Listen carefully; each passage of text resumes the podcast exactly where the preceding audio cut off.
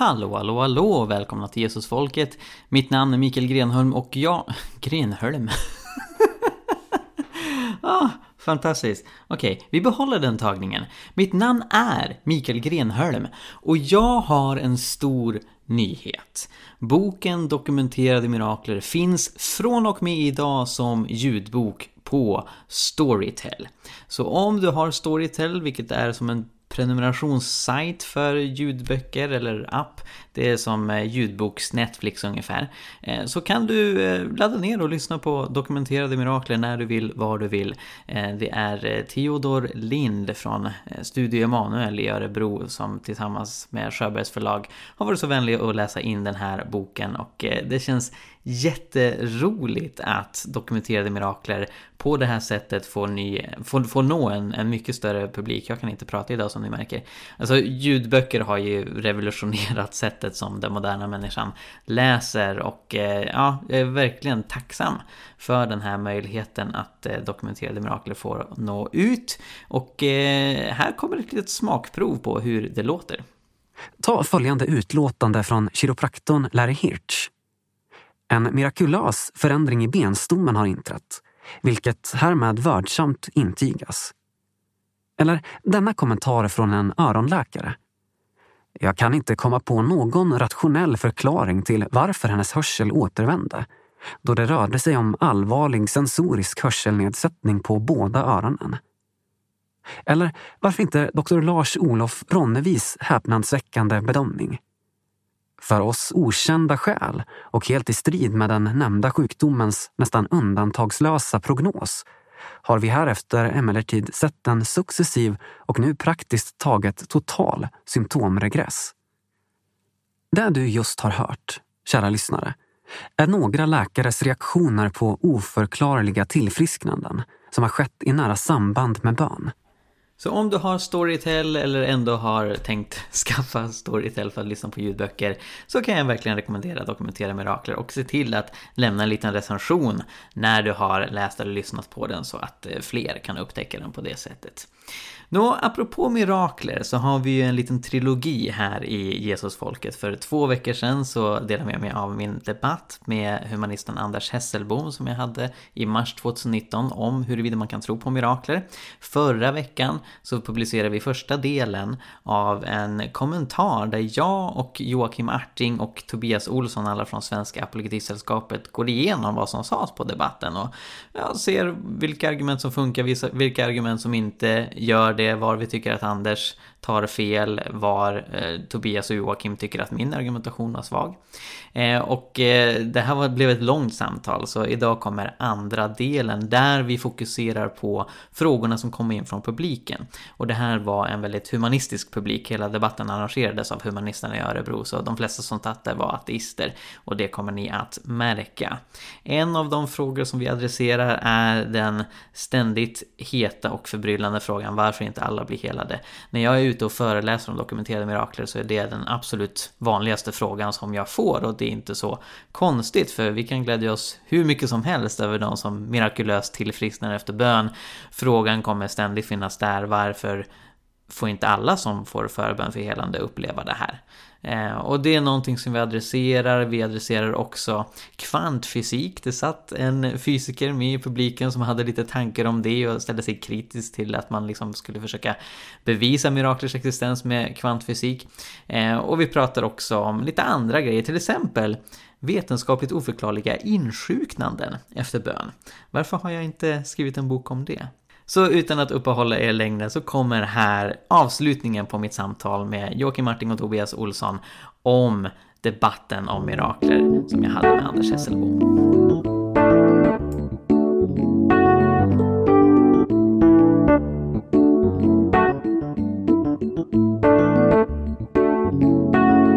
Så nu kommer vi till eh, delen när vi får frågor från publiken. Och som jag nämnde tidigare så arrangerades den här debatten av eh, Humanisterna Örebro. Väldigt många humanister var på plats.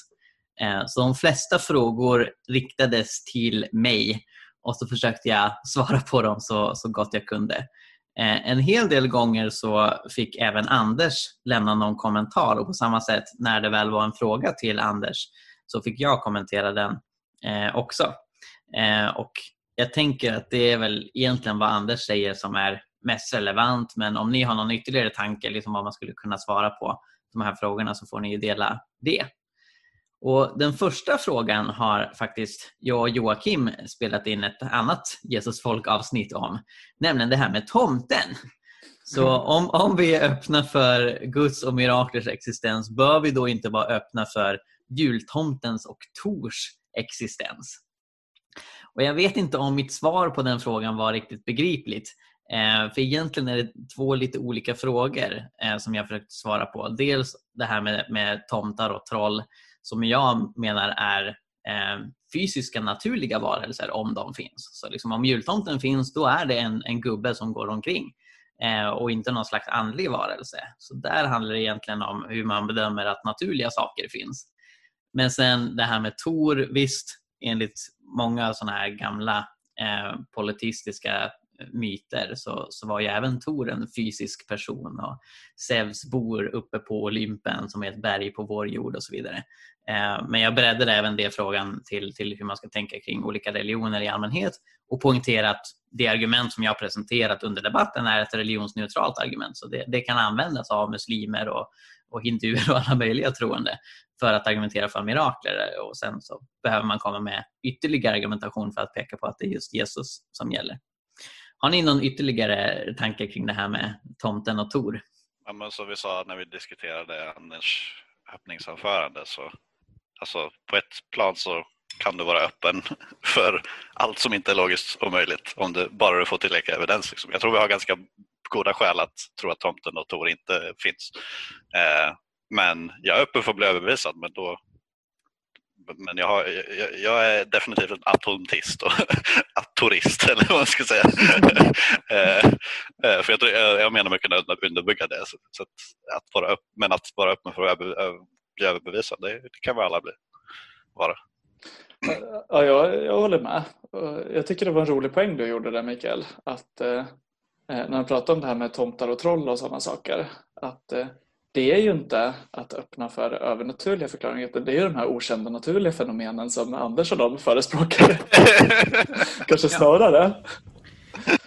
Nej, men och, och, just på grund av det att, att tomten är en fysisk person som bor uppe på Nordpolen så kan vi använda vetenskapliga argument mot tomtens existens.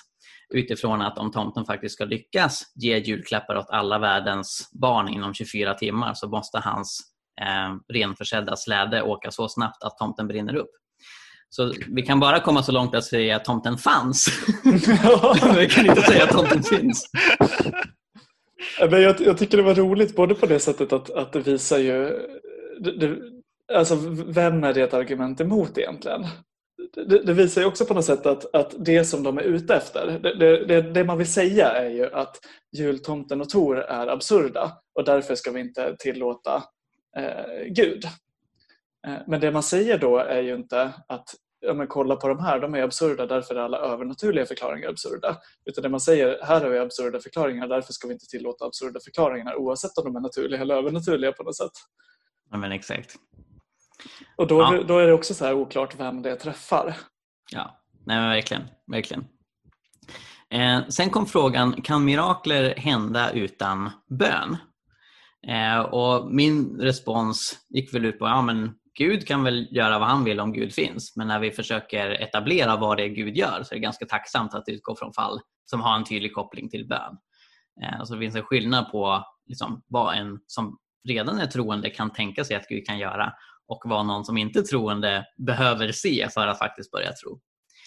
Eh, och Anders respons, och det kopplade väl också lite samman till då mitt resonemang om olika religioner där tidigare, eh, att det stora steget är inte Eh, vilken gudom är det som ligger bakom mirakler utan det stora steget att gå från naturligt till övernaturligt.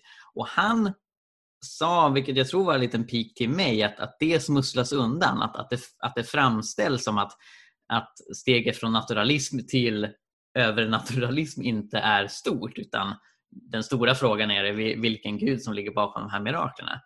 Eh, och ifall det var en pik mot mig så tycker inte jag att det var en särskilt rättvis beskrivning för att hela min argumentation under öppningspresentationen gick ut på att etablera just hur man går från naturalism till att mirakler finns. Hur uppfattade ni det Anders säger här? Jag håller med honom, men jag uppfattar inte att du, du duckar för den övergången. liksom. det, det slår in öppna dörrar lite, känslan. Ja. ja. Det är en milsvid skillnad mellan teism och naturalism. Ja, det är det. Mikael argumenterar för hur vi kan överbrygga den skillnaden. Ja, men då så. Ja, det är lite så. Ja, ja. Och det är väl också det som är grejen. Att, att jag tänker att du, du är ganska nöjd med att ha en debatt. Finns det mirakler? Alltså lite när naturalisten rätt eller inte? Ja. Så- För att det, det är kanske där den största skon klämmer. När man väl har mirakler. Alltså, Eh, resten är inte så stort. Så att eh, jag tänker själva debatten och det som du har sagt och hela ditt case eh, håller väl med om det. Att det är där den stora skillnaden finns och att det är det som är grejen just nu. Mm. Nej men precis, jag vet inte om, om det var att han störde mig på att jag kom in på olika religioner utifrån frågan där som, som lyfte Tor. Men det var ju som sagt i respons till en fråga från publiken. Det var inte en del av mitt case på det sättet. Eh, sen så kom en annan fråga till mig från en humanist som störde sig på att jag pratar om vetenskapligt oförklarliga tillfrisknanden efter bön och som tycker att det är bättre att prata om oförklarade. Och han är inte ensam om detta utan det är en Ja. hel del ateister som har lyft det. Att eh, det vore bättre om, om vi pratar om det som är vetenskapligt oförklarat än oförklarligt. För när vi säger vetenskapligt oförklarligt så låter det som att vi aldrig kommer få reda på någon vetenskaplig förklaring. Men naturalistens case i den här diskussionen är ju att nej men det kanske finns naturliga orsaker som vi ännu inte har upptäckt. Eh, och jag gav ju en, en respons till hur jag tänkte. Men, men vad tänker ni? Eh, oförklarligt versus oförklarat. Det är ju en semantisk skillnad uppenbarligen. Men, ehm, vad, vad, Eh, jag vad tycker tycker- ni man bör säga? Det, det är en eh, eh, bra poäng. Liksom. Det, det är lätt att man dras med och inte gör sig tydlig för vad, vad man menar. Men bara man lyssnar på ditt case så är det uppenbart att du söker en förklaring på Voteb. Inte, inte, du vill inte säga att de är oförklarliga utan du säger att det finns en förklaring men den är inte naturlig. Eh, så, så att det är tydligt att du inte använder ordet som att det är per definition oförklarligt eller vetenskapligt oförklarligt. Du säger det är osannolikt att vetenskapen kommer eh, förklara det kanske eller, eller något sånt. Men eh, visst, bättre att säga oförklarade eller oförklarat än oförklarligt semantiskt. Det kan jag hålla med om. Jag är nog inne lite på ungefär samma linje. Eh, Jag tycker det, det, det ger ju en lite olika, olika tyngdpunkt på det. Att det är oförklarat, det låter som att, att förklaringen finns men vi har bara inte sagt den. Och, sådär, och, och det blir ju lite skevt. Eh, Och, och jag tycker att du förklarar det genom att du hela tiden upprepar med nuvarande vetenskaplig kunskap så finns det ingen vetenskaplig förklaring eller något sådär med den nuvarande. Eh, Och, och med det förbehållet och den förklaringen så tycker inte jag att det, att det är någon stor grej att hänga upp sig på. Det är, men- det är samtidigt där skon klämmer i, i argumentet. Liksom, så här, hur nära kommer man till ett God of the Gaps argument från, från din sida Mikael? Så det är väl, det är väl lite de farhågorna också som, som ligger i bakgrunden till det kan jag tänka. Ja, Just det. Och, och God of the Gaps för de som inte hänger med på det, det är när man argumenterar för eh, Guds existens utifrån vetenskapliga luckor. Som man säger, här finns det ingen vetenskaplig förklaring, alltså Gud. Eh, och i, I min bok så argumenterar jag för att jag, men jag tror att, att eh, det, det finns eh, situationer där det är rimligt att ställa sig frågan, kan Gud vara orsaken till detta? Men det kan ju inte vara eh, det man gör eh, vad ska man säga, på ett eh, väldigt slappt sätt. Att bara, okej, jag På fattar inte det här. band. Nej, men precis, All, alltså är det Gud. Eh, nej men verkligen. Eh, jag funderade på om om jag skulle säga, om jag skulle säga vetenskapligt oförklarade. Eh, För även Christer Sturmark lyfte det här när jag gjorde min intervju med honom. Eh, det jag landade i att, att jag undviker inte riktigt problemet med hur det låter bara genom att, att byta ord. För om, om jag säger vetenskapligt oförklarade så hamnar tonen snarare på ah, men det är oförklarat än så länge.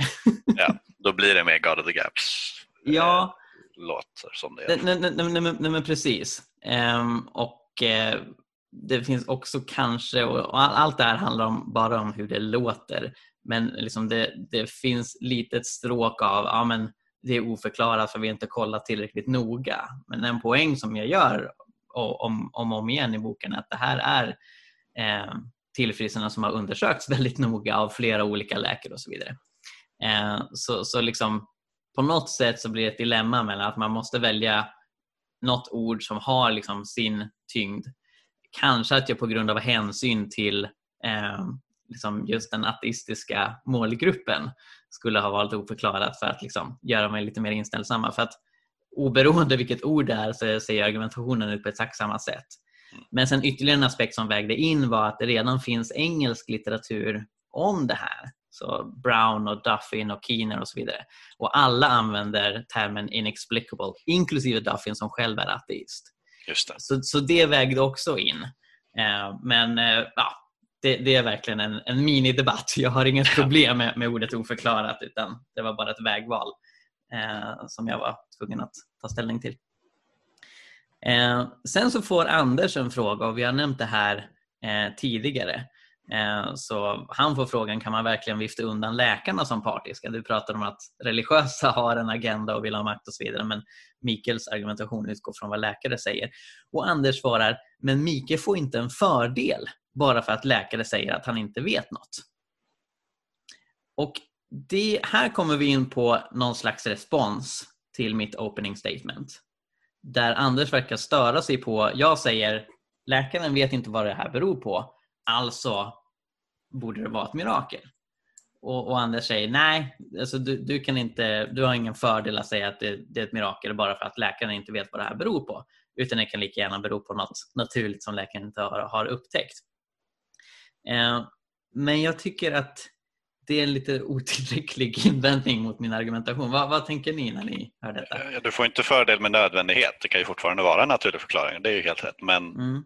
med din sammantagna eh, argumentation som vi pratade om eh, tidigare att i, de här, i varje specifik case, liksom, vad, hur, hur många sådana här sammanträffanden, om man så vill, är eh, rimliga. Eh, till exempel tidpunkten för bönen, Eh, och så vidare. Så här, profetia om att det kommer ske innan och sådana saker. Alltså någonstans där måste man göra en avvägning. När blir evidensen för tung för att bara, bara vilja vifta bort det? Liksom. Eh, när det sammanträffat är för osannolika. Så att, eh, visst, det, han har rätt i sak att du får inte automatiskt fördel, inte med nödvändighet. Men sen nu måste du nästan gå till varje specifik case för att se, avgöra det i slutändan. Liksom. Jag ska säga att när, när jag lyssnade på debatten så, så, han sa så, så tänkte jag nej, men det låter ju rimligt. Eh, men nu när, vi, när det kommer upp igen så är jag inte helt säker. Jag tänker om det var så att alla läkare sa att de visste hur allting hade gått till. Då hade det helt klart varit en stor nackdel för dig Mikael. Då hade inte du kommit någon vart överhuvudtaget. Och då tänker jag att då måste, det är nog alla överens om. Och då måste det på något sätt vara så att när läkarna säger att det inte finns någon förklaring så får ju du en fördel då. Eh, i någon mån. Eh, Möjligtvis. Alltså så här, ja, jag tänker också att den stora skillnaden är att jag har många case. Om, ja, om hela debatten bara hade handlat om ett enda tillfrisknande som inte har en vetenskaplig förklaring till. Eller en Anders, enda läkare. Ja, en enda läkare. Så då har Anders helt rätt. Bara för att den här läkaren inte vet vad som hände så betyder det inte att jag har någon fördel i att säga att mirakler finns. För Det kan lika gärna bero på att det är ett naturligt fenomen vi inte känner till. Men just det här att jag pekar på att det finns så många. Så i, i, boken har jag 50 exempel men bara det är ett litet urval. Så om man tar in Duffins bok till exempel så kommer man upp i hundratals. Eh, alltså det, det gör just det här utifrån naturalismens uppförsbacke. Att, att det blir mer och mer osannolikt ju fler exempel vi liksom staplar på varandra. Att naturalismen ligger bakom allt det här. Liksom inte ett enda beror på ett mirakel det, det är väl det jag försöker peka på att när man har många fall av VOTEB så, så sjunker sannolikheten för naturalismen. Eh, och då funkar det inte riktigt tycker jag att bara säga ja, men du har väl ingen fördel bara för att läkarna inte vet. Nej, men du, du har verkligen ingen fördel heller som säger att allt det här beror på naturliga orsaker som alla läkare har missat. Jag är lite inne på att han gör så, så som han har gjort många gånger tidigare. Att han berättar hur han tycker att det är men förklarar inte riktigt varför. Mikael har ingen fördel av detta. Varför har han inte det? Eh, jag skulle vilja ha ett, ett resonemang där från honom. Ja, för han har också vänt sig emot liksom 50-50 tanken. Att liksom antingen övernaturligt eller naturligt. Antingen, nej, naturligt är default-positionen. Och då framställer han sig själv som, det är jag som har fördelen. Ja. och och liksom argumentet för detta, ja men naturen är något vi känner till sedan innan och, och liksom det övernaturliga är orimligt. Men, men då blir det lite som att han presenterar eh, jag vet inte, han, han, han menar liksom jag skulle göra något fel om jag menar nej men det är det övernaturligt som är default-positionen. Men det är inget jag säger. Utan jag säger att, att den agnostiska positionen ska vara utgångsläget och sen behöver vi presentera skäl för och emot naturligt och övernaturligt. Det blir svårt det där också i och med hur mycket pratar man utifrån sin egen världsbild och hur mycket pratar man utifrån ett försök att vara neutral i debatten. Liksom. Eh, mm. För återigen, blir det naturalismen sann, ja, men då, då har ju han fördel. då har ju du fel, liksom. men ja, då måste han ju ha andra skäl för det. Så det känns som att ibland slirar han in på det liksom, och utgår från andra argument kanske för, för sin världsbild eh, för att styrka eh, den tesen, men, men då blir det lite, lite cirkulärt. Ja, men exakt. Eh, sen kom en ytterligare fråga till mig eh, som gick ut på negativa mirakler. Så jag har presenterat massa positiva case när folk blir friska. Hurra, jättebra, det kan alla hålla med om är strålande. Men borde det inte finnas eh, vetenskapligt oförklarliga insjuknanden? Eh, och, och, det kopplade jag till förbannelser som är vanligt i många animistiska religioner. Att jag förbannar en person som jag inte gillar och då kommer andarna och demonerna och ser till att den personen blir sjuk. Och jag sa, alltså visst, det kan finnas. Eh, jag tror inte att Gud ligger bakom det. Men sure, alltså, sådana exempel kan finnas. Jag, jag tar sådana här exempel därför att de är lätta att dokumentera eh, och eh, jag har lätt tillgång till sådana här via läkarjournaler och annat. Eh, Anders tyckte störa sig på att jag var eh, öppen för att, att eh, sådana här förbannelser faktiskt kan existera Eh, och att jag inte tillskrev dem Gud. så han svarade okej, okay, nu, nu visar det sig att allt kan vara övernaturligt eh, men det måste inte vara Gud om vi inte gillar att det är Gud. Eh, och vi behöver inte ta reda på hur saker funkar. Vi kan bara säga okej, okay, det här är övernaturligt. Bla, bla. men, men, det kändes väldigt raljerande. Över det men han, tog ju, han tog ju själv upp tidigare att det stora hoppet är från naturalism till eh, teism, inte vilken gud det är. Så vad har han problem med? negativa mirakler skulle ju bara bygga ditt case liksom, eh, och undergräva naturalismen. Det är det som du försöker visa också och som han själv säger är den stora stötestenen. Så Sen att reda ut resten av detaljerna, det var inte han intresserad av för det var inte så stort hopp. Men varför, varför anklagar han dig för att, liksom, varför stör han sig på att du vill göra den, eh, den lilla distinktionen mellan Gud och onda makter? Så, så, ja. ja, där är han ju verkligen inte konsekvent. Nej. Det var två saker jag verkligen fastnade för eh, vid den här frågan. Det tyckte jag var en av höjdpunkterna i, publikfrågorna faktiskt. Eh, det första är ju det här att, att Eh, ja, men just, just det här att, att den här reaktionen som kommer när du säger att du tror att det kan finnas uh, förbannelser och negativa mirakler uh, i olika sammanhang. att den, den självklara responsen, den här frågan som du får då direkt, det är den här vadå, tror du att Gud, att Gud gör det? Alltså sänder plågor på folk. Fastän jag tyckte att det fanns med i ditt svar att du tänkte att det inte var Gud som var aktören. Att det på något sätt i den här sekulärhumanistiska världsbilden finns en är någon självklarhet att kristna bara har en enda övernaturlig aktör och det är Gud. Eh, det tyckte jag var en intressant observation. Eh, att, att det, det var någon slags självklar utgångspunkt. Eh, det säger någonting om bilden av kristen tro. Det andra jag fastnade för det var ju att han, hans kritik där, att han sa att det stora steget är något övernaturligt. Att den, ett av hans argument mot det som kom fram här, det var att vi vet ingenting om aktörerna. Att det mm. blir så luddigt och vagt när det kan vara vad som helst. Och därför ska vi inte tro på några övernaturliga förklaringar för att vi vet för lite om aktörerna. Eh, och, då kommer jag att tänka på Plantingas bild av den här eh, alkoholiserade mannen som letar efter sina nycklar under en lyktstolpe. Man stannar och hjälper till och så hittar man dem inte och säger man, men är du säker på att du tappar de här? Nej, nej, de kan vara var som helst men det vore så svårt att leta någon annanstans.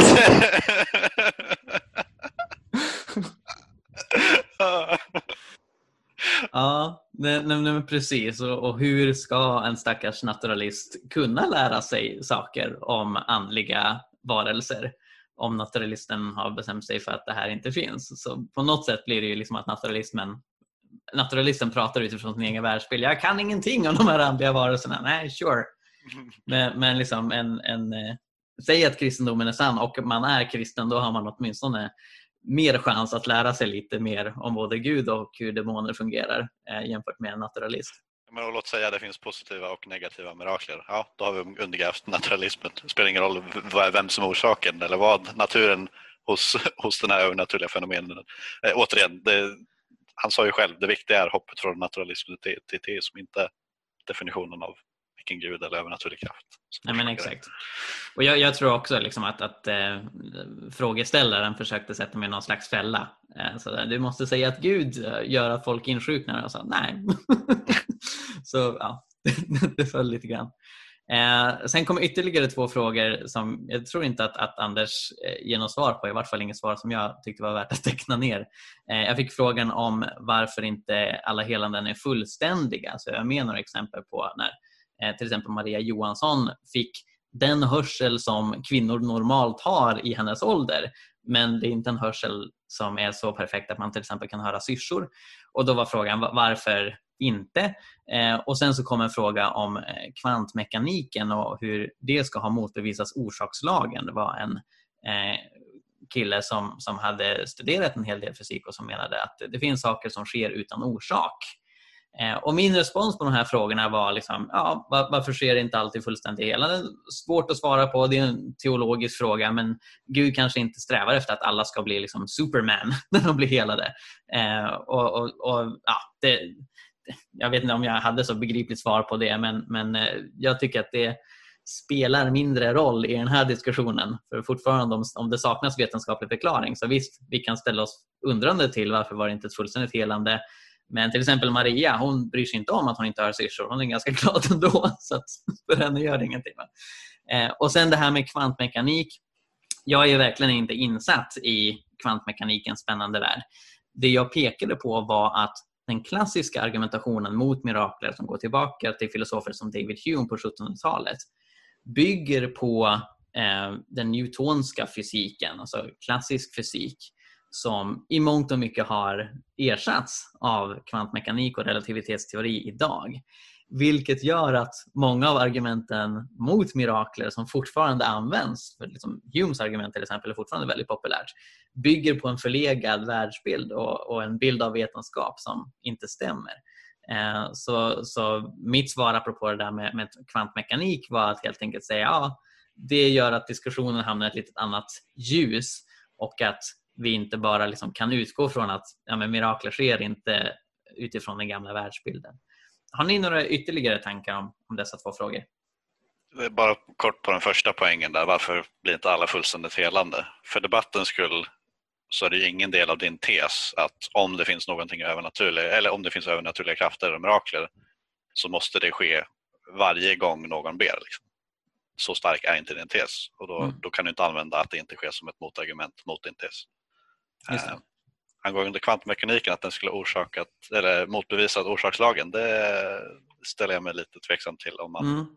verkligen kan göra så starkt uttalande. Men det kanske Tobias som är koll på. Eh, den första frågan, det här med fullständiga helanden, eh, tycker jag är lite intressant. Eh, för det första så tänker jag att det, det kan vara svårt att säga vad som är ett fullständigt helande. Mm. Eh, om man tar till exempel hörseln som exempel, ett fullständigt helande att man hör helt perfekt på alla frekvenser mellan 20 och 20 000 hertz.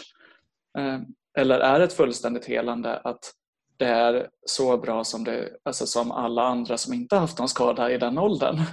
Exakt. Eh, man skulle kunna säga att det är ett fullständigt helande, att det är precis som om det, det hade varit utan sjukdomen. Så att det blir väldigt svårt där. Jag tänker att det inte är fullständigt Alltså så länge det finns en förbättring så är det någonting som naturalister måste ta ställning till. Mm. Jag tycker att det här är någonting som återkommer väldigt mycket. Det stör mig också att det inte är fullständiga helanden jämt. Eh, var, varför inte liksom? Samtidigt så tycker jag att det, det, är lite arrogant att säga så här att ja, men om Gud agerar så måste han göra det på det här sättet som jag tycker är mest rimligt. Eh, Just det. Det, det har jag mött som invändning på finjusteringsargumentet för Gud också. Eh, väldigt vanligt på internet upplever jag. Så Youtube-videos och sånt. Då säger man så här, ja universum kan se finjusterat. Vi har de här 20 konstanterna som där ingen av dem kan ändras en miljarddel för då skulle allt bli vara omöjligt. Men det kunde ju vara mer finjusterat. Tänk om alla planeter i hela universum låg på lagom avstånd från en sol och, kunde, och innehöll liv. Och då är det så här, ja men vad har du för rätt att kräva det av Gud? Du kunde alltid ha mer evidens för vad som helst. Men ja, precis. när är det tillräckligt? Det är det som är frågan. Liksom. Ja, och det är det jag stör mig på. Att man flyttar alltid den där ribban på något sätt. Och sen säger man att, att nej, det är inte tillräckligt finjusterat och Gud fin, har inte gjort det. För om det fanns en Gud så skulle han ha gjort det så här som jag tycker att han borde ha gjort. Ja. Det, det, jag tycker det är lite, lite vagt som invändning. Ja, precis. Och det här med kvantmekaniken då, har du någon kommentar kring det? Det är svårt att säga någonting om. Eh, Visst är det så? Ja, jag, jag, har inte läst, eh, jag, jag, har inte läst de kurserna som jag skulle vilja ha läst för att göra något tvärsäkert uttalande än. Eh, samtidigt så tror jag att alltså, allt som har med kvantmekanik att göra är så otroligt kontraintuitivt och svårt att greppa mm. oavsett hur duktig man är på det. Det var väl någon som sa att om du, någon påstår att de har förstått kvant, kvantmekanik så ljuger de. ja, och det var en av de främsta forskarna inom kvantmekaniken som sa ja. så. Om de som kan allra mest. Ja. Det, det, man kan säga är väl att kvantmekaniken är ju fortfarande det är en av de, de vetenskapliga teorier som eh, klarar förutsägelserna allra, allra, allra bäst. Att, att den stämmer, det vet vi och att sannolikhetsgrejerna är otroligt tydliga, det vet vi också. Så det är ju inte bara kaos och hur som helst som man ofta vill få det till. Eh, så, så, funkar det inte, även om de enstaka pusselbitarna inte riktigt eh, vi inte kan förutsäga dem. Och de här kvantmekaniska grejerna har ju, har ju ja, för att säga ingen inverkan på på den värld som vi befinner oss i på något sätt. Man måste på något sätt ner i subatomära eh, händelser för att det ska, det ska ha relevans på det sättet. Typ. Ja, precis. Så att jag, jag, vet inte riktigt på vilket sätt det påverkar för oss ja. så här. För de händelser som Mikael tar upp. Nej men exakt. Och, och, precis som Joakim så ställer jag mig också väldigt tveksam till påståendet att eh, orsakslagen ska motbevisas av kvantmekaniken. Att det finns saker som definitivt inte har någon orsak. Det är en sak att vi inte upptäckt orsakerna och det, det är liksom relaterat till vad vi säger. Men sen även om det skulle finnas saker utan naturliga orsaker, att vi observerar det eh, inom kvantmekaniken, så motbevisar inte det att saker kan ha övernaturliga orsaker. Sen så blurras ju distinktionen ibland. Liksom, eh, ska man tänka att liksom, Gud ligger bakom exakt allt som sker i kvantvärlden? Det låter väldigt krystat. Eh, men å andra sidan, liksom, om Gud gör ett mirakel och det relaterar till en annan fråga som jag fick. Liksom, vad, vad händer rent vetenskapligt under ett helande? Liksom, materialiseras molekyler? Kan man tänka sig att Gud liksom, på kvantnivå startar ett förlopp som sen leder till att till exempel en kroppsdel intern liksom, som saknades återfinner sig? Ja, möjligtvis. Det kan han väl göra. Eh, men, men på ett sätt så liksom, ja, blir den här dimensionen med kvantmekanik något som slår åt båda håll. Och Det var det som jag också försökte illustrera med det faktum att, att naturalister ofta använder 1700-tals argument eh, som omkullkastas av kvantmekanik. David Hume till exempel skulle säga att kvantmekanik är fullständigt omöjligt eh, utifrån liksom hans väldigt mekaniska syn på, på, bild, på världen. Eh, och Det var den argumentationen han använde mot mirakler. Så det slår tillbaka mot naturalismen. Jag tycker det var roligt, om jag bara får kommentera det också, det här med, med eh, när du sa om man skulle sätta ett mikroskop eh, när helandet utförs, skulle man då se molekylerna materialiseras? Det finns inga mikroskop som kan se molekyler. och det kommer inte att finnas heller. För att den, det här med optiska fenomen som diffraktion och sånt där gör att det, det är omöjligt. Vi kommer aldrig kunna se så små saker oavsett hur bra tekniken blir. Just det. atomer och molekyler. Att, hur de ser ut det vet vi bara på grund av experiment. Och så här, det, ingen har någonsin sett ja, jag, jag har sett många färgglada bilder. De svarta ja, små kolatomerna och de röda väteatomerna. Jag, jag, jag, har sett allt det där. Så, så det skulle vi garanterat inte se. All right. Um, sen så två frågor som relaterar till varandra och eh, som jag alltid får när jag är ute och pratar om dokumenterade mirakler. Varför blir inte alla helade? Eh, det bes många böner eh, men det är inte alla som får svar. Det finns de som ber och dör istället för att bli friska. Hur ska man tänka kring det? Eh, och det går ju att prata om hur länge som helst. Men mitt svar kokar ner till att ja, det är en teologisk fråga som troende behöver eh, brottas med. Eh, men vi behöver inte tänka oss att eh, allt som sker är exakt så som Gud vill det. Så att det inte nödvändigtvis så att eh, liksom, för det, det, var också så några formulerade frågan. Liksom, varför väljer Gud ut vissa som ska bli helade och andra som inte blir det? Jag försökte peka på en mer eh, komplex världsbild Eh, där det pågår en andlig strid och det finns många olika saker som påverkar bönesvar och man kan inte reducera det till bara en sak så som att om du har stark tro så blir du helad utan det är mycket som påverkar. Nu, Anders gav en respons på en av de här frågorna. Han sa att eh, det här med att ondska och lidande eh, existerar det hänger ihop för naturalister. Men för kristna så är det här ett stort problem och det relaterar förstås till det jag själv sa att ja, det här är ett av de starkaste argumenten mot Guds existens. Då håller ni med om att ondska och lidande hänger ihop för naturalister, att de har inget problem på sin front när det gäller eh, lidandets och ondskans existens? Det håller jag inte med om. Eh, Anders säger ju att han är naturalist och nihilist. Och ja. då säger han ju att han inte tror på, på moral, objektiva moraliska värden. Eh, att det inte finns någonting som är rätt och fel eller gott eller ont. Ehm, och jag tycker inte det är en lösning på ondskan och lidandets problem. Eh, alla lider och alla är utsatta för ondska och det är på något sätt någonting som alla måste hantera. Eh, Anders lösning på det är ju att säga det finns inget, alltså det, det finns inget dåligt. Ja. Eh, och det tycker inte jag är en lösning. Det är bara att blunda för det. Så där, där tycker jag att kristna, det kan se svårare ut på början men det, i kristen tro får man i alla fall en förklaring till att det finns faktiskt saker som är gott och ont. Det finns saker som är fel. Eh, att den, den upplevelsen bekräftas och att man kan börja hitta förklaringar till det istället för att bara eh, köra strutstaktiken och stoppa huvudet under sanden och låtsas som att det inte finns något problem. Det, det, det är en väldigt ytlig lösning. Jag tycker inte att det löser någonting riktigt. Så. Nej, och för, för argumentets skull så är det återigen det är ingenting ingenting i din argumentation som kräver att alla ska bli helade. Lika lite som den kräver att alla ska bli eh, fullständigt helade som vi var inne på tidigare. Alltså det räcker för dig att etablera att det finns vissa tillfrisknanden efter bön. Inte alla. Du säger till dig själv, vissa kanske är naturliga och så kanske det, det finns folk som inte blir friska eh, efter bön. Men det säger ju ingenting emot eh, en, en världsbild som säger att mirakler kan ske. Liksom. Eh, och, och som är du, antar en kristen världsbild till exempel så är det ingenting i den som pekar på att alla måste bli fullständigt helande i det här livet till exempel. Så det, det, finns, det är inte ett argument mot din tes att mirakler sker eh, i slutändan. Just det. Det, är ut, det här med att inte alla blir botade, det är någonting som kan, kan störa mig också. Det är klart. Men, men det finns ju några saker jag tänker att man kan ha i huvudet där. Eh, dels det här med att Gud är ju ingen fysisk pryl, eh, alltså som följer massa lagar som gör att han automatiskt måste göra en massa saker. Eh, utan det är en agent med fri vilja. Och det gör att vi inte kan, kan, att gör vi någonting på ett visst sätt så har vi garanterat ett visst resultat. Som knuffar vi den här stenen för backen så kommer den att rulla. Ehm, och att där, det, är ju en viktig aspekt. Ehm, och sen kan jag fundera, nu blir det ju teologiskt då, varför inte alla blir botade. Eh, jag tror att det man kan vara överens om det är att det vore inte försvarbart av Gud att aldrig bota någon. Det, det är nog de flesta emot. Att om Gud kan så borde han göra det. Samtidigt så kan jag tänka att det vore konstigt om Gud alltid botade alla.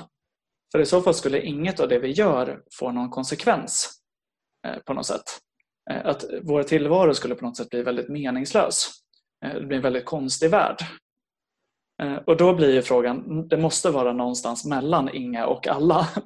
Mm. och var, var ska det ligga? Eh, och där blir det några problem. För det första så vet vi inte hur mycket lidande som Gud stoppar. Är det så att han släpper igenom 99% eller 1% Ingen aning. Redan innan folk får sjukdomar.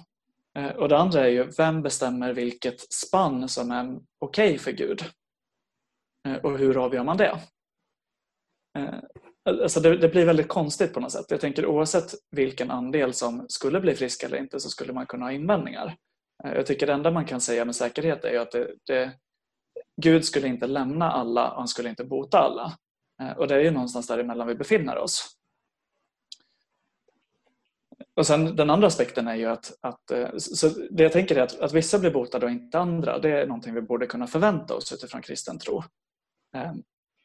Sen kan, sen kan vi alltid tycka att det borde vara fler, men vi vet ju inte hur många det är heller. Just det. Eh, men eh, samtidigt så är det ju för naturalisten så är det så att så länge det finns ett enda mirakel så, så rasar hela världsbilden ihop. Mm. Eh, så att de sitter i en mycket knivigare sits. Och att inte alla blir botade, det, är ju inte, alltså det kan de inte kräva. Det räcker med att det finns ett mirakel så, så är det kört. Ja, men precis. För deras del. Precis.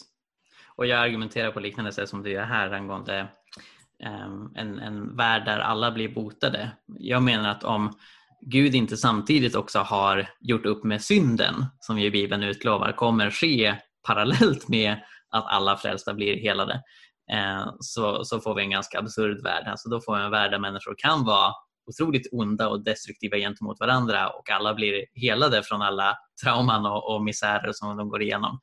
Och det blir en ganska absurd värld där det onda inte får några konsekvenser egentligen. Eh, så ja, nej, men jag håller med dig där Tobias. Men det är en stor fråga som man kan diskutera Verkligen. länge. Och för många har det ju liksom ett emotionellt bagage också, att man inte bara undrar rent intellektuellt varför inte alla blir helade, utan man har varit med om, om svåra saker själv. Och, och i den bemärkelsen så behövs det fler perspektiv också än det apologetiska, att det liksom pastorala får komma in också. Eh, all right. Eh, det är en hel del frågor sen på slutet där jag och Anders i princip håller med om varandra. Eh, så jag fick frågan om det är moraliskt av Gud att bota de som får bön när liksom andra inte blir botade. Och återigen, jag säger ju inte att det är bara om man ber som man kan bli botad. Eh, jag tror att Gud kan gripa in även när någon inte har bett. Men liksom, relaterat till den frågan lyfte jag att jag tror inte att en deistisk gud som skapar universum och sen lämnar åt ditt öde och inte gör några mirakler är mer rättvis eller god än en gud som faktiskt griper in och gör mirakler även om inte alla upplever det som mirakler. Och det höll Anders med mig om.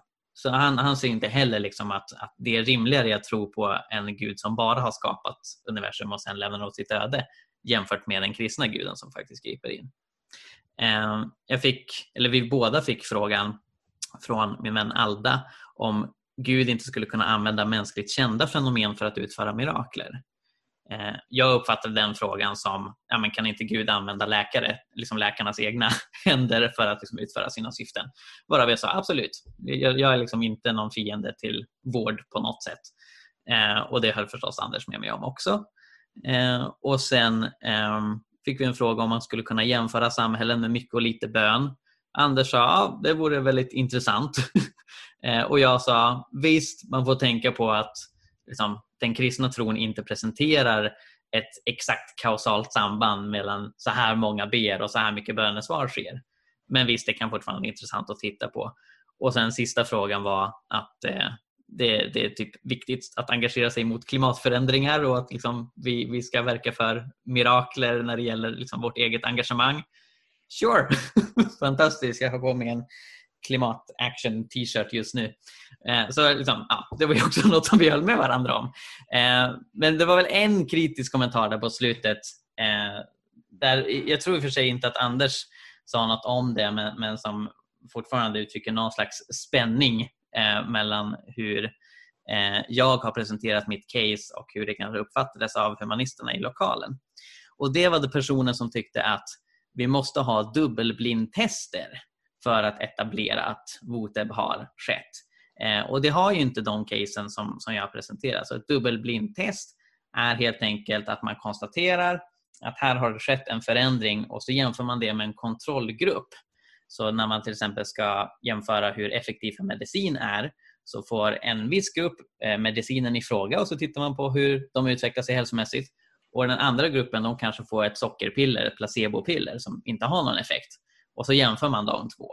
Eh, och ja, Personer som ställde frågan undrade varför eh, det inte fanns några dubbelblindtester som en del av min presentation Varav jag sa att det krävs inte för den filosofiska argumentation som jag för. Utan det enda jag behöver etablera är att Voteb finns. Eh, men sen så liksom startar filosofin därifrån och liksom läm lämnar vetenskapen bakom sig. Eh, och därför behövs inte dubbelblindtester för den argumentation som jag för. Har ni någon tanke eller kommentar angående det här med dubbelblindtester? Så det blir, bön blir ju ganska mekaniskt om man tänker så. Den övernaturliga kraften blir också ännu en automatisk eh, opersonlig lag någonstans.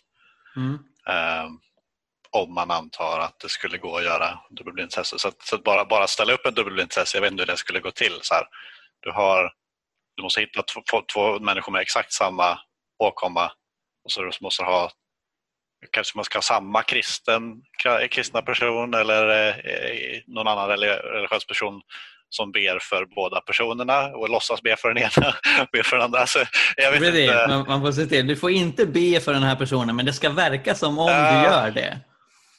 Och, och, här kommer ju också teologiska eh, teorier in. Så liksom, är det just att personen ber som är det avgörande för att ett bönesvar kommer? Eller kan det vara så att personen som tar emot bön upplever alltså att, att den personen börjar be även om förebedjaren bara låtsas be. Alltså det, det, blir väldigt komplicerat. Ja, och hur vet man att de inte får förböna någon annan och så vidare? Alltså, Exakt! Tänk om det finns en mormor som ber samtidigt. Ja, verkligen. Det finns ju jättemånga problem med det, rent hur man skulle göra det. Ja. Eh, nu har ni precis sagt alltihopa det här med att Gud och förbön blir väldigt mekaniskt, eh, orsak-verkan bundet. Och, Ehm, det här med att hur vet man att ingen ber? Ehm, jag tänker att det finns ju också, enligt Bibeln så finns det ju väldigt många andra faktorer som spelar in till, till ehm, eh, huruvida någon blir frisk eller inte. Det kan ju vara den, den egna personens tro kan ju påverka. Och hur vet man då att två personer har exakt samma personliga tro eh, eller moraliska karaktär och sådana saker. Eh, sen kan det också vara så att Gud ser vad kommer det få för konsekvenser om jag botar den här personen. Eh, och att, det, att vi kan ju aldrig veta att två personer som vi ställer mot varandra i olika grupper att det får samma konsekvenser med ett botande och att Gud därför skulle vara lika benägen ur det perspektivet. Eh, eller andra andliga varelser som skulle kunna vara inblandade och sådana saker. Det, det, blir ju det, det, blir ju väldigt svårt. Men, men kokar egentligen inte den här invändningen ner till hur vet vi att det inte är placebo? Ja, möjligtvis. Alltså det är ju det, är, det, är det dubbelblindtester är, är till för. Men ja. som du redan argumenterar för i boken och så, så här, du kan inte placeboa ur dig ur ALS eller placeboa till dig normalhörsel för 40-årig kvinna. Eller, alltså, alltså så här, någonstans, det blir, blir så här, hur, hur starkt är placebo som en förklaring överhuvudtaget? Och de flesta av de här, om inte alla då, exempel tar upp, så är inte placebo en rimlig kategori av förklaring överhuvudtaget. Varför, ska då ha, varför behöver vi då blindtester? Ja, nej, men verkligen. Alltså, när läkare säger att här ser vi ingen vetenskaplig förklaring, då har de redan uteslutit placebo. Och jag märker att många ateister har en väldigt stor övertro på placebo och tror att placebo kan liksom göra i princip vad som helst. Så jag skriver det att eh, många, Gud, många ateister har större tro på placebo än många kristna har på Gud. Men eh, eh, i, alltså den placebo som vi faktiskt har vetenskapligt observerat, den finns men den är rätt begränsad i vad den kan göra. Utan det handlar om att ja, reducera smärta, reducera yrsel, reducera depression ett tag. Alltså normalt några timmar eller möjligtvis några dagar och sen kommer det tillbaka. Så, så det är liksom den verkliga placeboeffekten som vi faktiskt har observerat. Sen verkar ju många ateister tro på en magisk Harry Potter-placebo som kan göra vad som helst. Eh, men så är det inte riktigt. Alright. Jag tror att vi därmed har gått igenom alla frågor från publiken. Eh, och efter det så avslutades debatten med några avslutande eh, kommentarer där jag fick en chans att säga något kort och Anders fick en chans att säga något kort och sen precis på slutet hann jag slänga in en fråga till Anders som eh, jag tänkte att vi kunde prata lite om för själv tyckte jag att det här kastar en hel del ljus på debatten i allmänhet. Men min avslutande kommentar gick ut på att jag inte tror att om man bestämmer sig för naturalismen och säger att eh, per definition så finns det inte mirakler eh, så har man stängt sitt sinne. Man behöver vara öppen för att mirakler är en möjlighet för att kunna ha ett öppet sinne. Så jag pekar på vad jag upplevde var en, en konflikt eller lite fram och tillbaka i, i Anders resonemang och vi har ju redan pratat eh, om det, hur man ska förstå det han säger. Eh, Anders, han pekade på ufon i sin avslutande kommentar. Eh, och, och, Det var en lite ny vinkel. Alltså normalt, i vart fall brukar tanken vara med en sån här avslutning av en debatt att man sammanfattar det som har sagts så att man inte kommer in med, med massa nya inriktningar. Men Anders valde att prata om Eh, gröna marsmän eh, och han påpekar att eh, idag ser vi fler ufon än förr och, och det eh, kopplar han till att vi lever mer inne i stan. Så när stadsbor ger sig ut på landet så ser de konstiga saker som man inte ser inne i stan på grund av eh, alla, alla ljusföroreningar och så vidare. Eh, och då tror de att det är ufon. Eh, men Anders menar att om vi istället har ett öppet sinne så, så utvärderar bevisen. Vi tar verkligheten som den faktiskt är. Du Tobias har, har påpekat det tidigare att det är hans definition av öppet sinne. Och hans poäng är att då med ett öppet sinne så kommer vi inte hoppa till slutsatsen jag ser något konstigt på himlen, alltså finns utomjordingar. Utan då kommer vi vara mer skeptiska och hålla oss mer till naturalismen eller till det vi redan känner till.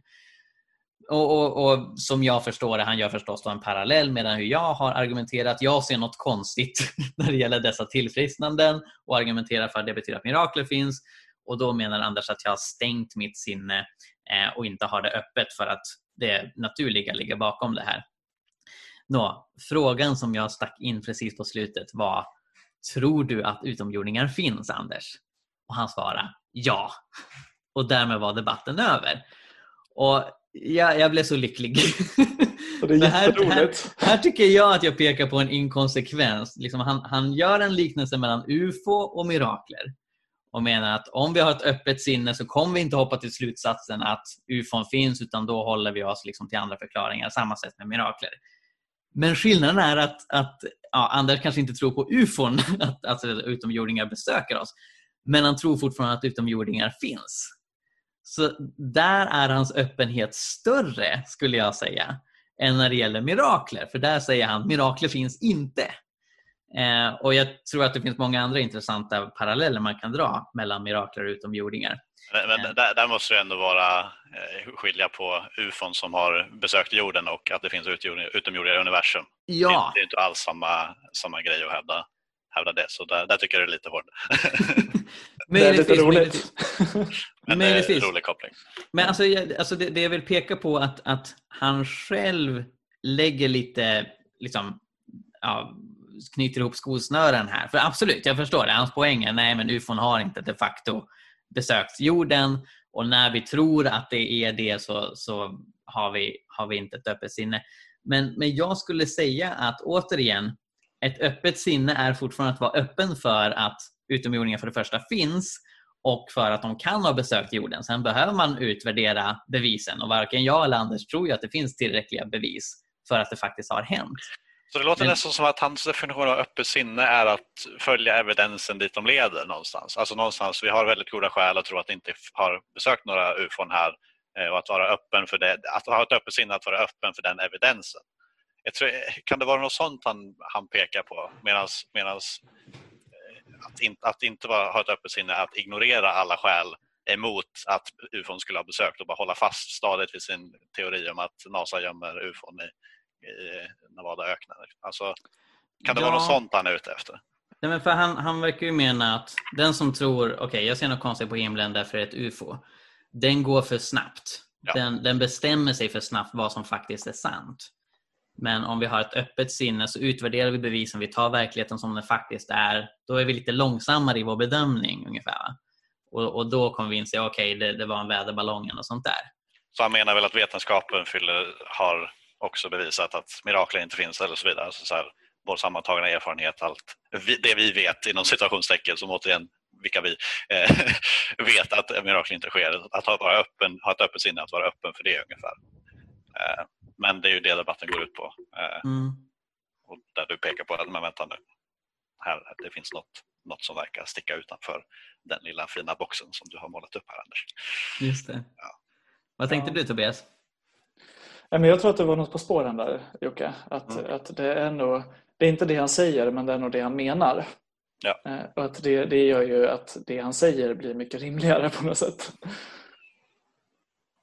Ja, och i, i slutändan liksom, att ha ett öppet sinne. Du kan vara öppen för möjligheten för vad som helst. Även om, även om jag, tror, jag håller fast till naturalism, tror inte att mirakel sker, kan jag fortfarande vara öppen för att mirakel att det kan bli överbevisat att mirakler faktiskt har skett.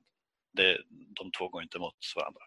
Så det beror mm. på vad man menar med öppet sinne och som sagt jag tror att det menar att han menade använder det som att följa evidensen dit de leder ungefär. Ja, att det, är så, själv, det är så självklart etablerat någonstans eh, att vi, vi måste säga att mirakel inte finns. Ja, ja precis. Jag, jag, tror verkligen att det är det han menar när han pratar om öppet sinne. Eh, och, och jag får det intrycket av sammantaget men det är ju eh, jag, tycker han är lite otydlig där. Ja. Han pratar om att se verkligheten som den, som den verkligen är. Att det, det, blir liksom inte inställningen till andra idéer utan det blir att man har, att man har rätt helt enkelt. Mm. Eh, men, men det är ju inte det han menar, men det är det han säger. Ja, ja men precis, precis. Och min poäng med att fråga honom um, om utomjordingar finns går i princip ut på detta. Att um, när han säger att ufon har egentligen inte besökt jorden, vi har missuppfattat det. Så gör han någon slags koppling till hur jag argumenterar för mirakel. Liksom, Visst Mikael, du, du pekar på de här eh, fallen av tillfrisknanden men det handlar egentligen inte om mirakler, då går vi för snabbt fram utan vi ska, Eh, ja, i, i, vi, vi, ska liksom sträva efter vetenskapliga förklaringar och se att, att det rör sig om naturliga förklaringar. Men han tror fortfarande att utomjordingar finns där ute, även om de inte har besökt jorden. Alltså oberoende av, av dessa påstådda evidens av utomjordingar i form av ufon som faktiskt besöker jorden. De avvisar nej det stämmer inte. Men de finns där ute. Och, och det kopplar han, eller han, han sa det till mig efteråt, jag, vet, jag hade inte hört det förut, men han menar att man, man har liksom sett spår av utomjordiskt liv eh, i något teleskop och sånt där. Eh, man kan också tänka sig rent så här, ja, men san, sannolikhetsbedömningar, liksom universum är så stort och sådär. Alright, fine. Så han tror att utomjordingar finns. Han tycker bara inte att liksom, evidensen inom citationstecken med att någon ser ett UFO är tillräckligt. Men här finns en skillnad i hur han argumenterar mot mig. Han tycker inte heller att jag presenterar tillräckliga evidens för mirakler när jag pekar på mina voteb. Men till skillnad från utomjordingsfallet där han ändå kan köpa, visst utomjordingar finns där ute ändå, det, det räcker bara inte med de evidens du har presenterat. Så, så har han bestämt sig för att mirakler finns inte där ute och det du presenterar det räcker inte heller. Så där finns en skillnad.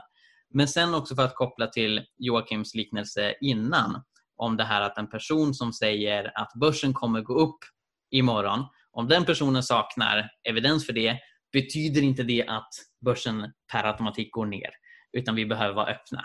Och Det är här jag gillar att, att jämföra mirakler med utomjordingar. Personen som säger utomjordingar finns. Kolla, här är ett UFO som jag har fotograferat. Nej, det där är en gås. Okej, okay, alright. Då antar jag att vi har bevisat att utomjordingar inte finns. Så kan man inte resonera. Va? Utan, utan utgångsläget borde vara, ja men vi vet inte, de kanske finns där ute, de kanske inte finns där ute. Liksom, det är den neutrala utgångspunkten. Den som argumenterar mot utomjordiskt liv kommer med sina argument för det. Den som argumenterar för utomjordiskt liv kommer med sina argument för det. Men när Anders menar att i mirakeldebatten så ska vi agera annorlunda, då är det den som är emot mirakler som har utgångsläget. Och bara den som argumenterar för mirakler som har bevisbörda. Mm. Där, där liksom faller hela jämförelsen med ufon och utomjordingar tycker jag. Det, det blir ju verkligen skevt. Eh, jag tyckte det var väldigt roligt att du ställde den frågan och fick det på pappret eftersom det var han som lyfte jämförelsen däremellan. Eh, för det blir ju lite som att han säger så att, att eh, ja, ja, anledningen till att folk tror på utomjordingar är dåliga för att det har aldrig funnits några ufon. Eh, men de finns där ändå. Eh, mm. Och det blir ju lite som att, att, eh, om man jämför motsvarigheten i mirakelfallet blir den här att nej, nej, det har inte funnits några mirakulösa helanden. Det är bara skit, det finns inga argument att tro på det. Men Gud, den finns där ändå. ja, just det. Mm. Har ni någon ytterligare kommentar innan vi avslutar allt detta? Om debatten i sin helhet kanske? Jag tycker det var väldigt roligt att lyssna på den. Eh, och jag, jag står väl fast vid det att jag tycker att det var synd att, att det inte var mer interaktion mellan er där ni svarade på varandras påståenden. Eh, det hade varit intressant att se vad, vad han hade kritiserat hos dig och hur. Ja, jag hade, hade gärna hört om att definiera sina termer lite mer. Ja, precis, ja. Flasha ut lite det han påstod. Och sådär. Att, att det blev väldigt svepande och det som man hade förberett innan och som inte riktigt var kopplat till det som du sa. Det har varit intressant att höra din respons på det nu. Det har vi väl för sig gjort här i alla fall. Hur man ska svara på det han säger. Men, men ja, Mm. det hade varit spännande. Ja, jag håller verkligen med. Eh, och som sagt, jag är lite förvånad över hur, hur lite interaktion det var. Jag vet inte hur vi hamnade där. Det kanske handlar om någon tidsbrist eller att han tyckte att, att frågan från publiken var viktigt eller så vidare.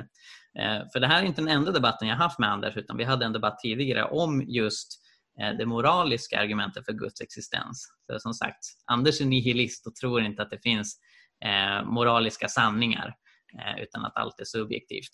Eh, medan jag menar att det finns moraliska sanningar och det är argument för Guds existens. Och, och då var det betydligt mer interaktion, men då var Svenska Apologetiksällskapet och min församling Mosaik arrangörer för det, så då hade vi andra eh, spelregler.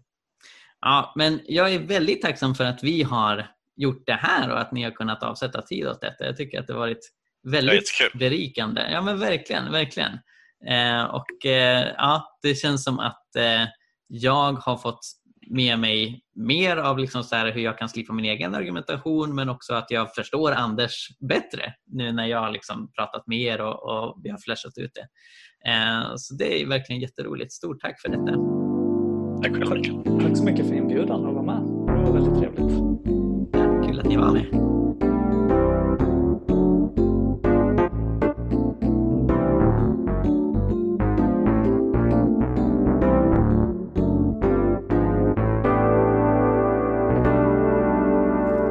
Mycket för att du lyssnar på Jesusfolket.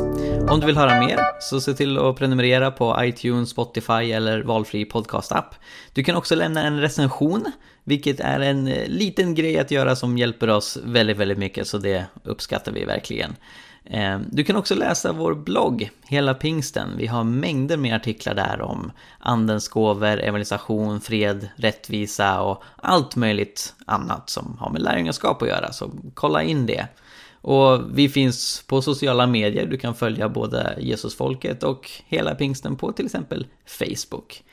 Tack så mycket, Gud välsigne dig och eh, fortsätt vara en del av Jesusfolket.